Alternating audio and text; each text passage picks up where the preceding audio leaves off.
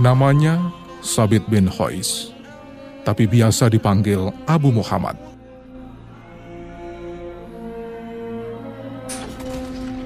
Sebelum memeluk agama Islam, ia adalah juru bicara ulung kaum Ansor. Bahkan bisa dibilang, dialah mulut kaum Ansor pada masa itu.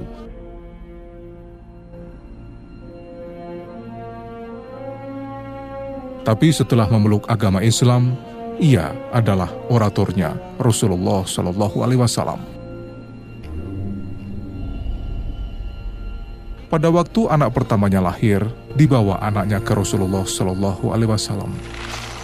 Oleh Rasulullah, anaknya kemudian diajari makan dengan kurma basah dan diberi nama Muhammad.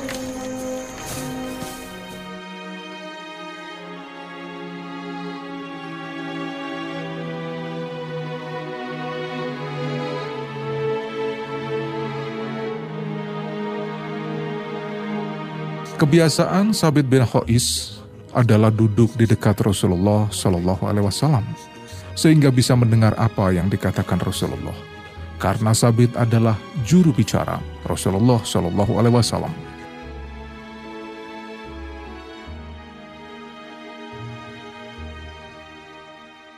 Suatu hari, ia datang terlambat dalam suatu majelis yang dihadiri Rasulullah. Ia berusaha lewat di kerumunan orang sambil berkata, "Tolong kasih jalan, minggirlah sedikit."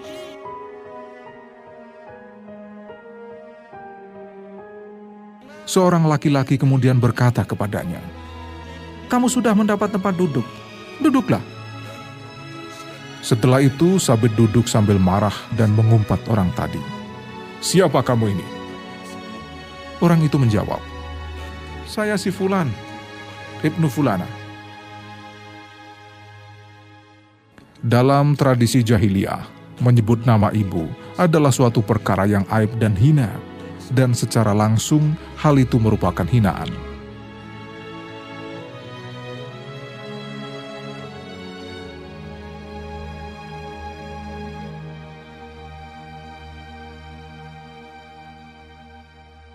Mengenai pribadinya, Rasulullah Shallallahu Alaihi Wasallam pernah berkata, Sabit adalah laki-laki yang beruntung karena selama hidup berjuang bersamaku.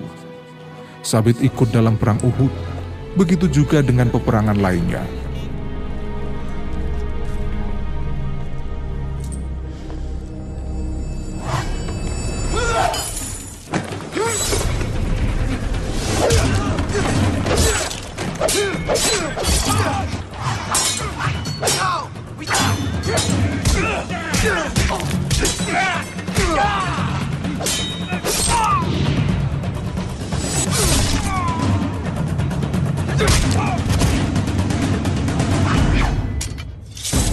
Pada waktu perang melawan orang-orang yang murtad, Sabit bin Khois selalu berada di barisan depan membawa bendera kaum Ansar dan tak pernah henti mengayunkan pedang kepada musuh-musuhnya.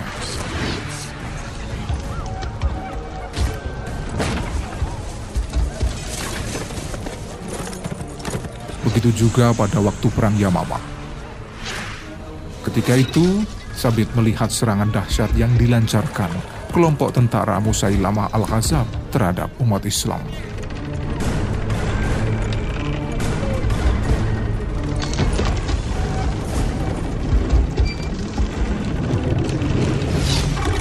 Dengan suara keras dan lantang, ia kemudian berkata, Demi Allah, bukan seperti ini kami biasa berperang bersama Rasulullah. Ya Allah, saya serahkan perkara ini kepadamu.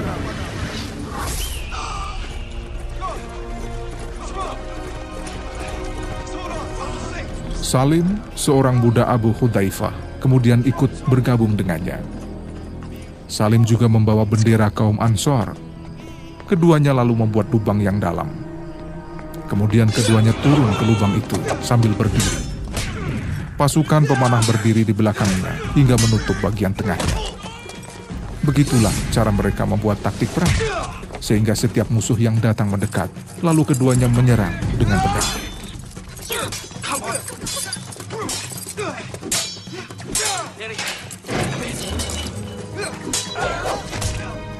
Ketika turun firman Allah,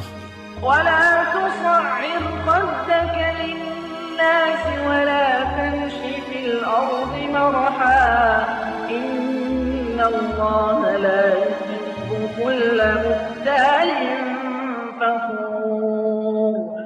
Dan janganlah kamu memalingkan wajah dari manusia karena sombong, dan janganlah berjalan di bumi dengan angkuh. Sungguh, Allah tidak menyukai orang-orang yang sombong dan membanggakan diri. Sabit bin Khois menutup pintu rumahnya. Ia duduk sendiri sambil menangis. Hatinya merasa terenyuh dengan isi firman Allah itu.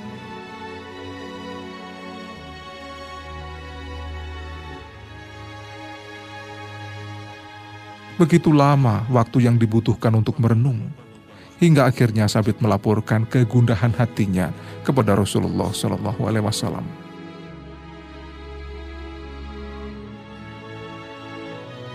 Di hadapan Rasulullah, ia berkata, "Wahai Rasulullah, saya ini senang dengan pakaian dan sandal yang bagus.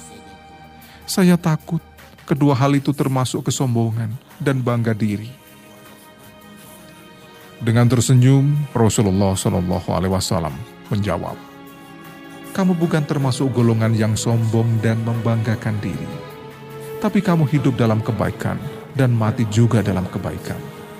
dan insya Allah kamu akan masuk surga.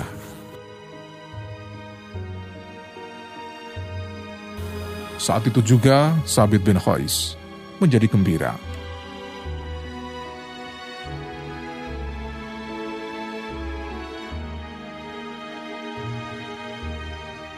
Sabit bin Khais mempunyai baju perang yang sangat bagus dan mahal.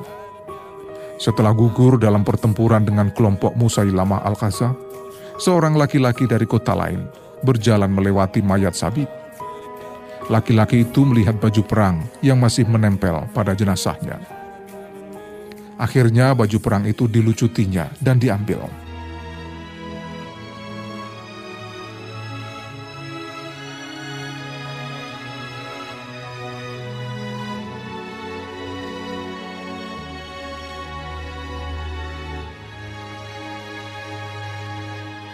Esoknya seorang warga sebuah desa yang dekat dengan lokasi wafatnya Sabit bin Qais bermimpi.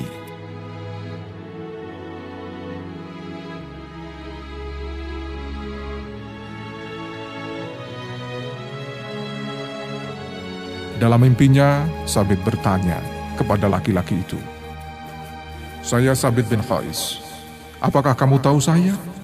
Ya, saya tahu siapa Anda, saya ingin mewasiatkan sesuatu kepadamu.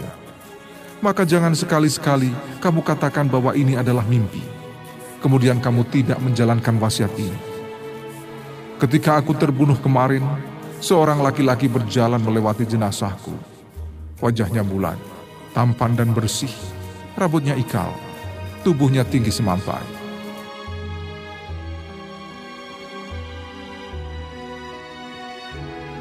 Laki-laki itu mengambil baju perangku dan berjalan menuju ke kemahnya yang berada di seberang bukit. Baju itu diletakkan di bawah panci, dan panci itu diletakkan di punggung kuda. Tolong kamu datang ke Khalid bin Walid dan katakan padanya untuk mengutus orang agar mengambil baju perangku.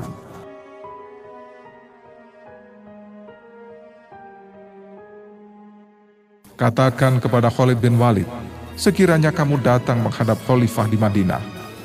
Katakan padanya bahwa saya mempunyai hutang dengan salah satu warga. Ada juga dua hamba saya yang harus dimerdekakan. Maka lunasi hutangku dan merdekakan dua budak tadi. Ketika orang itu terbangun dari tidur, ia langsung pergi menghadap Khalid bin Walid dan menceritakan mimpinya.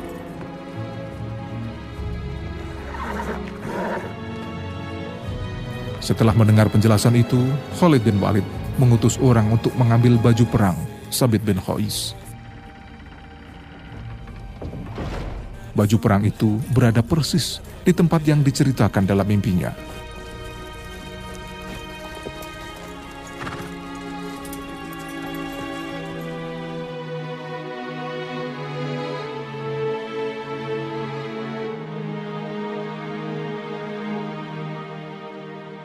Setelah Khalid balik ke Madinah, Khalid menceritakan kabar Sabit dan wasiatnya kepada Khalifah Umar bin Khattab. Ternyata Umar bin Khattab juga membolehkan wasiat itu untuk dijalankan.